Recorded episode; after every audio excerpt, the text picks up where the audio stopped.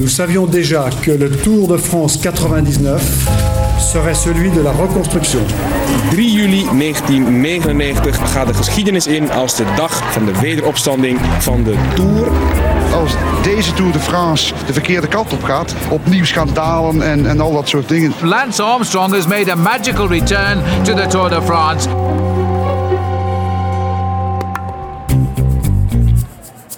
Radio Tour de France verslaggever Steven Dalebout onderzoekt hoe de tijd onze kijk op de wielergeschiedenis verandert. In een nieuwe aflevering van Toch nog een Tour. Ik ben op zoek naar ooggetuigen van de Tour van 1999. De eerste van zeven tours die Lance Armstrong won. Nu zegt iedereen, ja, doping. Maar wat zeiden we toen? Hallo? Adrie van Houwelingen was in 1999 ploegleider bij Rabobank, de enige Nederlandse ploeg in die Tour. Ik ken Adrie als een correcte, observerende man die zijn eigen mening heeft. Adrie wil niet uitgebreid geïnterviewd worden over die Tour, maar aan de telefoon zegt hij wel dit. Eigenlijk is alles uh, terug te voeren natuurlijk naar de Tour van 98. Hè? De Tour van 98.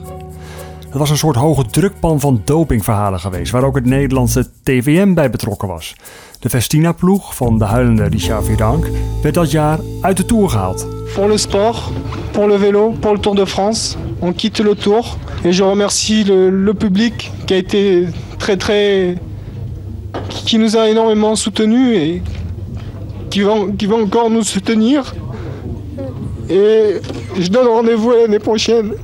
Tot volgend jaar, zei Virank in 98. En de fotografen sloegen toe. Virank hield ook een jaar later, in 99 dus, nog altijd vol dat hij niet aan de doping had gezeten. Al zoekend door het grote NOS radioarchief stuit ik op een interview met Michael Bogert. Het is van de maandag voor de Tour van 99. Bogert werd een jaar eerder vijfde in de Tour. Maar de arrestaties, huiszoekingen en invallen echo er nog na. Ik heb niks te vrezen, dus ik word ook niet bang van verhalen die ik hoor. Ik bedoel, als ik niks te verbergen heb, dan kan iemand nog wel vertellen van uh, justitie komt jou controleren. Nou ja, dan mogen ze mij controleren.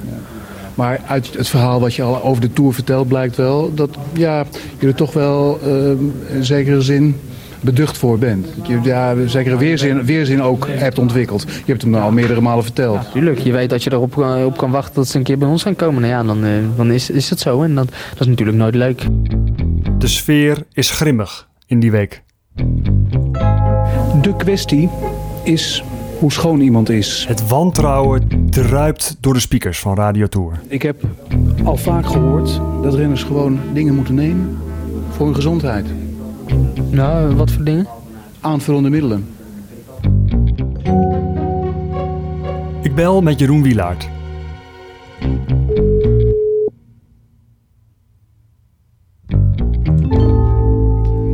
Steven, ja? Jeroen is mijn voorganger als verslaggever in de Tour. Zonder omkijken wierp hij zich in 1999 dagelijks op Michael Bogert als hij eenmaal over de finish was gekomen. Jeroen en ik maken een afspraak om morgen eens bij te praten. Oké, okay, goed zo.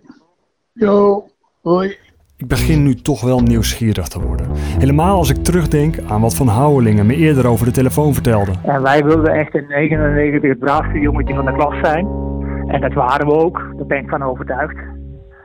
Uh, maar dat paste helemaal niet in, in dat tijdsbeeld, blijkt achteraf. Twintig jaar geleden moest Jeroen Wielaert op de tast over het duistere toneel van de Tour de France. Morgen zal hij me meer vertellen over het begin van die Tour van 99. Na die ramp van 1998 kon je je onmogelijk voorstellen gelet op de schade die het evenement en de sport was toegebracht, dat ze alsnog de boel zouden bedriegen.